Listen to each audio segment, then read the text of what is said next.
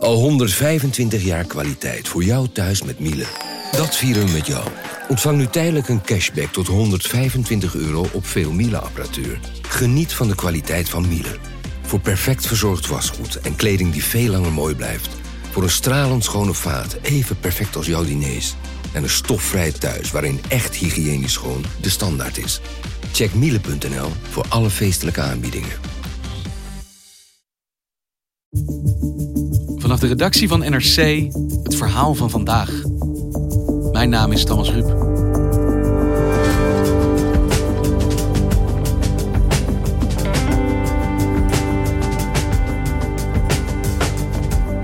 Premier Rutte noemt het de grootste operatie sinds de wederopbouw.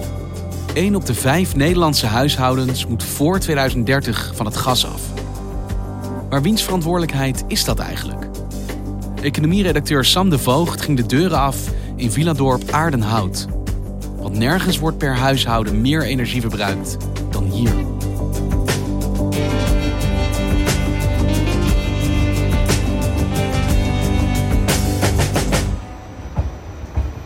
Vorige week zat ik in de trein richting uh, het station Heemstede-Aardehout. Dat station ligt uh, eigenlijk bijna precies op de grens van uh, Heemstede en Aardehout. De ene kant ga je eruit, dan ga je naar Heemstede. Daar ben ik zelf opgegroeid, dus de, buurt ken ik goed. En de andere kant ga je, naar, ga je naar Aardenhout. En daar moest ik dit keer heen. Je loopt dan gewoon al vrij snel loop je een soort van bosrijke omgeving in... waar een aantal huizen staan. En dat is eigenlijk het villa-dorp Aardenhout. als het geluid van de auto's wegsterft, dan uh, hoor je de vogels kwetteren. Dan zie je allemaal uh, paadjes waar uh, paarden kunnen rijden. Dan zijn er uitgestrekte velden. En daarachter liggen dan de huizen. En dat zijn allemaal ja, wel echt de joekels van, van villa's. De woningen zelf, vanaf de straat zie je die eigenlijk niet zo goed. Die zijn allemaal afgeschermd met hoge heggen, met hekken die de oprijlanen uh, beschermen. Een lommerrijke villa-wijk. Ja, dat, zou, dat is wel een mooie omschrijving.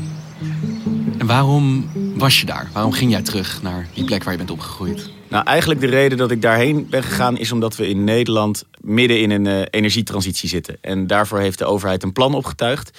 En dat plan is dat we in 2050 allemaal van het gas af moeten. Elke woning mag dan niet meer gebruik maken van, uh, van gas.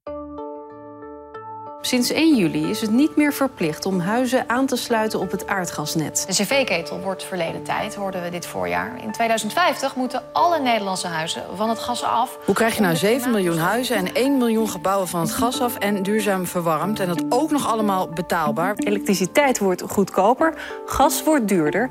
en dus neemt een deel van de huishoudens afscheid van gas. Ja, maar dat afkicken, afscheid nemen, is nog best een grote stap. Zo blijkt uit onze poll op Facebook. 67 procent maar liefst kookt nog steeds het liefst op gas. 2050, dat klinkt vrij ver weg. Maar dat betekent eigenlijk dat er nog maar uh, volgens mij zo'n 8000 werkdagen zijn totdat het zover is. En dat betekent dat we zo'n 1000 afgeronde verbouwingen per dag moeten gaan uh, voltooien. Wacht even, nu begin ik die deadline druk ook te voelen. 8000 werkdagen hebben we nog om al die huizen uh, energie-neutraal te maken. Ja, en elke ochtend dat je wakker wordt is er weer eentje vanaf.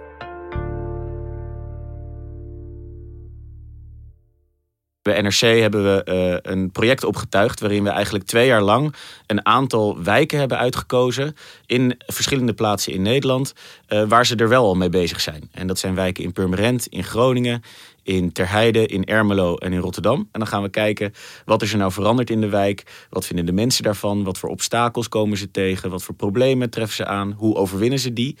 Uh, en op die manier hopen we eigenlijk in kaart te brengen hoe die energietransitie in Nederland zich voltrekt. En de lommerrijke villa's van Aardehout vallen binnen jouw wijk? Nou, dat is eigenlijk wel grappig. Uh, dat is namelijk niet zo.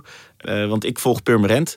Maar Aardenhout, uh, daar zijn we terechtgekomen omdat we ook data hebben verzameld van het energieverbruik in Nederland. Dus we zijn gaan kijken naar waar wordt het meeste gas verbruikt, waar wordt de meeste elektriciteit verbruikt.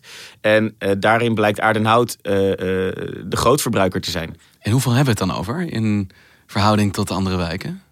de huishoudens die daar aan die eh, eh, lanen woonden waar ik ben geweest, die verbruiken zo'n 5200 kub gas per jaar. En zo'n 10.000 eh, kilowattuur per jaar. Dus daarmee kun je ze met recht wel een van de gaslekken van, van Nederland noemen.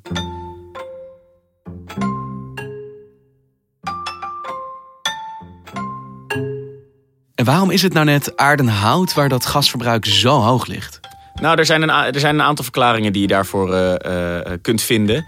Um, de eerste is dat, natuurlijk dat er uh, heel veel grote huizen staan. Bijvoorbeeld aan de twee uh, straten waar ik ben geweest, is het grootste huis is volgens mij meer dan 1200 vierkante meter aan woonoppervlak heeft dat. Dat is negen keer zo groot als een gemiddelde eensgezinswoning in Nederland. En een groter huis vraagt nou eenmaal meer stelkosten. Precies. En uh, de andere verklaring is dat er uh, heel veel oude huizen staan. Bijna vier op de tien woningen die er staan, die zijn nog voor de Tweede Wereldoorlog neergezet. Nou, dat zijn huizen waar bijvoorbeeld nog geen dubbel glas in zit. Dat zijn huizen waar geen uh, isolatie in de muren zit. Dat zijn dus huizen waar warmte heel makkelijk weglekt. Mijn en tante in hebben het altijd ontzettend koud. Gaan al naar bed om kwart over acht en klappertanden de hele ja, dat is natuurlijk de ene kant van het verhaal. Maar het andere zou ik denken, dit is natuurlijk ook wel een plek waar mensen in ieder geval de kennis, maar zeker weten de middelen hebben om te verduurzamen. Is dit dan iets wat helemaal niet speelt daar? Nee, ja, ik had bijvoorbeeld een, basisschool gebeld met de ingang aan de Van Vollenhovenlaan. Een van de lanen waar ik eh, ben geweest. Om te vragen van, hey, zijn jullie ermee bezig? En toen kwam ik er bijvoorbeeld achter dat ze daar een, eh, een nieuwsbrief hadden verspreid. Uh, waarin ze vroegen of uh, uh, mensen niet wegwerp plastic zakjes wilden meegeven aan hun kinderen, maar van die hardplastic broodtrommels die herbruikbaar zijn. Um, ik had ook met de koster van de nabijgelegen kerk gebeld en gevraagd van hey, ziet u dat de mensen ermee bezig zijn uit de buurt? bent u er zelf mee bezig? En die vertelde me toen over een buurman die die laatst bij het snoeien in de tuin was tegengekomen, die hem vol energie en enthousiasme had verteld over uh, dat uh, hij een uh, volautomatische pelletkachel had laten installeren. Op een gegeven moment liep ik over de, dan moet ik het even goed zeggen, de Nachtegalenlaan. En toen kwam ik bij een huis aan waar nou ja, het hek open was. En achter dat hek lag een, een prachtige stenen oprijlaan met bomen er, er langs. je zag die oprijlaan zo door, door de bomen heen meanderen naar een echt een prachtige villa.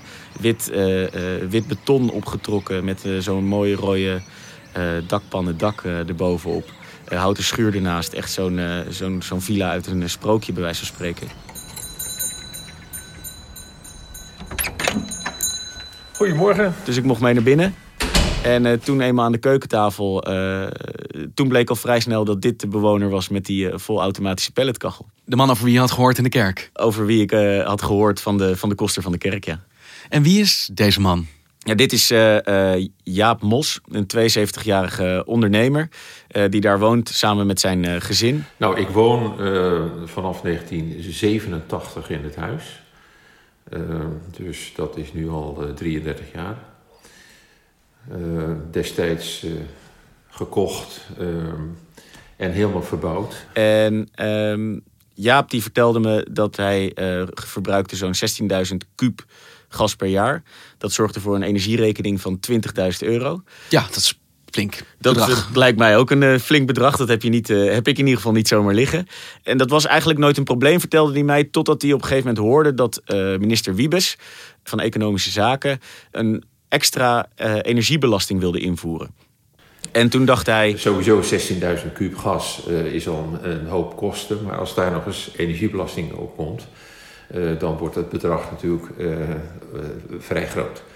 En ik denk, dat moet anders. Dus het heeft puur, is dat gebaseerd op financiën. Dat is het eigenlijk, laten we zeggen, in percentage zeker 90% Dus hoe kom ik dan van het gas af zonder mijn huis uh, grondig te verbouwen? Want daarvoor is het eigenlijk te charmant. Dus dan denk je van, uh, wat voor alternatieven zijn hier? Dat, dat is eigenlijk het, uh, het belangrijkste. Dan ga je dat heel goed onderzoeken, dat heb ik gedaan. Alle zaken tegen elkaar afgewogen. Wat hij gedaan heeft, is hij is over de grens gaan kijken. In Duitsland, Oostenrijk en Zwitserland had je, uh, die hadden geen gasveld waarop ze konden teren. Dus die hebben andere uh, methodes uh, doorontwikkeld. En uiteindelijk kom je dan op die pelletkachel terecht. Dus dat is eigenlijk een, een oven waar je, waar je hout, waar je pellets in gooit. En pellets, dat zijn van die kleine samengeperste houten korrels. Mhm. En op die manier verwarm je dan je huis in plaats van op gas. En ehm, deze uh, volautomatische uh, pelletkachel heeft Jaap dus gevonden in uh, Oostenrijk. En dat zijn echt de Rolls Royces onder de pelletkachel. Dus hij is daar gaan kijken en vond het toen zo'n fantastisch idee dat hij hem heeft laten installeren. Het is een hele installatie. Hij heeft een, een schuur heeft hij er eigenlijk voor opgeofferd. Daar staat, een, daar staat een ding, dat lijkt nog het meest op zo'n computer uit zo'n datacentrum van Google of zo, weet je wel. Van die eindeloze rijen uh, dingen. Dit is ook helemaal strak afgewerkt. Er zit een touchscreen op waarmee je van alles kan doen. Op wifi, dus de installateur die bij mij in Zutphen zit... die houdt alles bij en eigenlijk hoeft hij hier niet te komen... Of er moet eens een keer echt wat kapot gaan, maar dat is tot nu toe niet gebeurd. Dat is niet goedkoop. Dat kostte hem 60.000 euro. Maar hij zei, als je heel simpel het rekensommetje maakt... hij betaalde 20.000 euro per jaar aan, uh, aan uh, stookkosten. Nu nog maar 40. Uh, 40 dus euro per jaar? 40 euro per jaar aan, aan stookkosten. Hij zegt, binnen een paar jaar heb ik, dat, heb ik die investering terugverdiend. En is het een duurzame oplossing? Ik snap dat het voor hem goedkoper is. Maar het stoken van hout in dit geval... is dat duurzamer dan als hij aan het gas was gebleven? Dat kan ik niet met 100% zekerheid zeggen. Want je kunt je vraagtekens wel stellen bij uh, waar dat hout voor die uh, pallets vandaan komt. Maar de oven zelf is volgens mij uh, redelijk duurzaam. Want de grap is, die machine die werkt zo dat die continu eigenlijk op een soort lage temperatuur aanstaat. Hij vergelijkt het eigenlijk met een auto die continu 40 km per uur rijdt. Dan verbruik je ook minder benzine dan als je uh, het ene moment uh, 180 gaat en het andere moment uh, 90 bij wijze van spreken. Geen pieken en dalen. Ja. Maar het is wel grappig, hè? Je gaat dus op zoek naar de grootste gasverbruikers van Nederland. En de eerste ja. persoon die jou binnenlaat, heeft een gasrekening van 40 euro. Ja, maar wat wel typerend was, was dus dat hij eerlijk toegaf... voor mij is het een financiële prikkel geweest om dit te installeren. Dat het duurzaam is, dat is eigenlijk een, een mooie bijkomstigheid. En toen ik daarna weer verder ging lopen en met andere mensen in gesprek kwam... toen bleek het dat inderdaad voor meerdere mensen geldt. Ik sprak bijvoorbeeld een man op een erf... en op dat erf stonden bijvoorbeeld al vier auto's en een, en een boot op een trailer. Dus, en die man die zei van ja, ik, ik maak me er wel zorgen over. Maar ja, ik stook ook de hele zomer mijn, uh, verwarm ik mijn zwembad uh, met gestookt gas. Eén man vertelde me dat hij nog geen uh, zonnepanelen op zijn dak wilde laten liggen. Want dat vond hij niet mooi. En hij zat eigenlijk te wachten tot de, de zonnepanelen van Tesla beschikbaar zouden komen in Nederland. Want dat zijn zonnepanelen in de vorm van een dakpan. En dat vond hij dan weer wel mooi. Esthetiek gaat in dit geval voor duurzaamheid. Ja, zeker. Duurzaamheid is een mooie bijkomstigheid.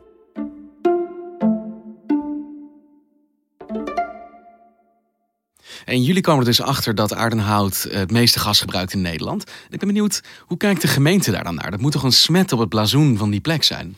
Nou, Aardenhout behoort tot Bloemendaal. En Bloemendaal is sowieso een villa-gemeente, zou je eigenlijk wel kunnen zeggen. Ik heb wel gesproken ook met de coördinator duurzaamheid van de gemeente. Um, en hem ook wel gevraagd van ja, heb jij niet gewoon een onmogelijke baan? Want ja, je werkt in een gemeente waar er alleen maar hele oude grote woningen staan die allemaal warmte lekken uh, alsof het niets is.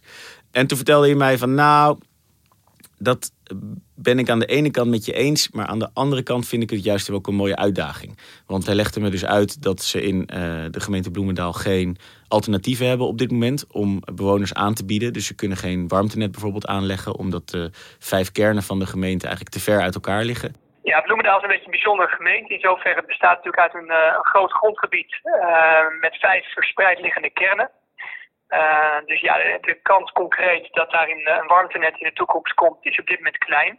En als je het dan hebt over Jaap Mos, dus degene met nou ja, de laagste gasrekening in de gemeente waar het meeste gas wordt geslurpt. Hij zegt, ik doe dit uh, nou ja, omdat het me te duur werd. Hij had een financiële prikkel nodig, dat geeft hij ook toe. Maar daar ligt toch ook dan ruimte voor de gemeente om anderen ook zover te krijgen? Ja, dat zou je wel zeggen. En uh, daarvoor is die energiebelasting natuurlijk ook ingevoerd. En het heeft bij Jaap dus blijkbaar ook gewerkt. Uh, maar het is natuurlijk ook zo dat mensen zoals Jaap, die in zulke villa's wonen, die hebben natuurlijk een goed gevulde bankrekening. En die kijken dus niet op een, uh, uh, een paar honderd of paar duizend euro meer of minder. Zoals een makelaar mij vertelde, met wie ik daar ging kijken naar een te koop staand huis. als mensen vragen naar de stookkosten, dan kunnen ze het waarschijnlijk niet betalen. Dan is dit niet jouw buurt. Dan is dit niet jouw buurt, precies. Bloemendaal met name speelt de prijs ook minder een rol. En ook die gestegen belasting op aardgas is ook niet een enorme trigger voor mensen om daarmee aan de gang te gaan. We laten vooral ook zien welke stappen eigenlijk andere bloemendamers al hebben genomen. En dat doen we door middel van een nieuw platform wat we vorig jaar hebben uitgerold. Want ja, het onderzoek is ook gebleken dat de beste trigger om iets te gaan doen is als je ook je buren het hebben gedaan of, of gaan doen. Dus wat dat betreft, die financiële prikkel, uh, die moet wel heel hoog zijn, moet die succesvol en uh, werken in deze, deze buurt. Dus de gemeente komt dan eigenlijk aan de grenzen van zijn instrumentarium om mensen uh, duurzamer te laten worden? In Aardenhout in ieder geval wel. En tegelijkertijd zeg jij ook, we zitten in die energietransitie en er wordt juist van gemeenten verwacht dat zij het voortouw nemen. Daar moet het gebeuren. Hoe verhoudt Bloemendaal zich dan tot de andere gemeenten die jullie hebben onderzocht? Nou ja, ik volg bijvoorbeeld uh, Purmerend, waar ze al een warmtenet hebben liggen. Dus dan zou je zeggen, dat kan je makkelijk uitbreiden. Uh, maar het probleem daar is, is dat de gemeente huiseigenaren niet kan dwingen om mee te doen aan zo'n warmtenet. En zo'n warmtenet wordt pas uh, zinnig als er genoeg mensen aan meedoen, zodat het ook kostenefficiënt wordt. Dus dat is het probleem waar bijvoorbeeld Purmerend mee worstelt. Het is al maanden het gesprek van de dag in de wijk over weer in Purmerend. Iedereen moet van het gas af. En aan de stadsverwarming. Maar ja, moeten, moeten, dat laat niet iedereen zich zeggen. Ik hou niet van verplichtingen. Nou, en dat scheelt ook gewoon in je portemonnee. Ze noemen u een gasklever. Gasklever? Mensen oh, nee. die niet van het gas af willen. Jawel, ik wil er wel vanaf. Maar op een andere manier, maar niet, niet dit. En zo heeft elke gemeente wel zijn eigen problemen. Ja, want je zegt dan die 8000 werkdagen. Nou, die ga ik vanaf nu elke ochtend bedenken. Er is er eentje voorbij. Uh, hoe verre zijn die gemeenten verantwoordelijk dat dat ook gehaald wordt? Is dit een landelijk probleem? Of wordt er van gemeenten verwacht dat ze misschien meer gaan ondernemen? Nou, er wordt wel uh, dus verwacht dat gemeenten een hele actieve rol daarin nemen. En ze moeten ook uiterlijk volgend jaar moeten ze een plan indienen voor de manier waarop zij hun wijken gaan verduurzamen. Uh, het past wel in de trend die je uh, sowieso ziet dat uh, gemeenten steeds meer verantwoordelijkheid hebben gekregen. Uh, en het Rijk eigenlijk steeds meer een stapje terug heeft gedaan. Want ze geven bijvoorbeeld subsidies. Maar verder moeten de gemeenten het maar uitzoeken. Tussen 2018 en 2028 wordt geëxperimenteerd met het aardgas vrijmaken van woningen. Het kabinet heeft daar 380 miljoen euro voor gereserveerd. 27 wijken door het hele land zijn aangewezen als proeftuin. En Purmerend is een van de eerste gemeentes die de schep in de bodem heeft gezet.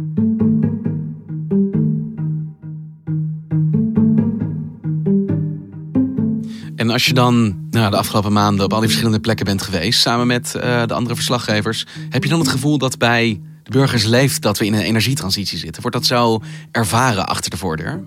Nou, wat je merkt is dat uh, mensen vaak zeggen: ja, het gaat er de laatste tijd wel veel over. Hè? Dus ze lezen het in de kranten, ze zien het op tv. Uh, en, en, wat daarbij ook nog eens komt, is dat hun kinderen er vaak over beginnen. Uh, er groeit nu een, een, generatie op die Greta Thunberg op tv ziet, die van de klimaatspijbelaars horen of er misschien zelf al onderdeel van waren. En dat merkte ik ook in Aardenhout. Veel van die mensen begonnen over dat ze aan de keukentafel met hun kinderen discussies hebben over bijvoorbeeld vlees eten of niet. Of over vliegschaamte of niet. Uh, een man vertelde me bijvoorbeeld dat hij flexitariër is geworden omdat zijn kinderen allemaal vegetarisch zijn. Dus ook al hoeven ze zich misschien niet aan de gemeente te verantwoorden, ze moeten zich aan hun kinderen verantwoorden. Ja, nou dat geldt bijvoorbeeld ook voor Jaap Mos. Laatst ging de familie Mos ging een nieuwe auto kopen. En uh, een van zijn dochters vertelde me dat zij heel graag had gezien dat het een elektrische auto zou worden. Maar toen zei Jaap, ik heb het wel bekeken, dus die, die Tesla heb ik bekeken en dat is wel aardig. Uh, maar uh, gewoon afgewezen, omdat als ik moet nadenken naar de rit uh, naar Parijs, of ik het wel haal en ik geef een ton uit voor een auto, dat is voor mij het helemaal afgedaan. En dus is het uiteindelijk toch een benzineauto geworden. Ja, dat is een volautomatische pelletverbrander met twee silo's in de tuin. Dat is één ding, maar elektrische auto, dat is misschien nog een stap te ver. Ja, dat was hem toch net even te onhandig. Dankjewel, Sam. Graag gedaan.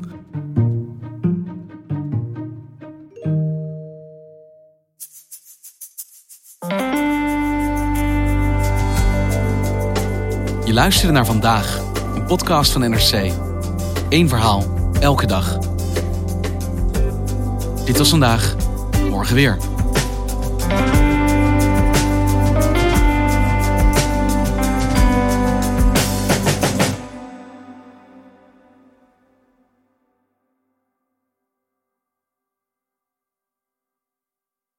Technologie lijkt tegenwoordig het antwoord op iedere uitdaging.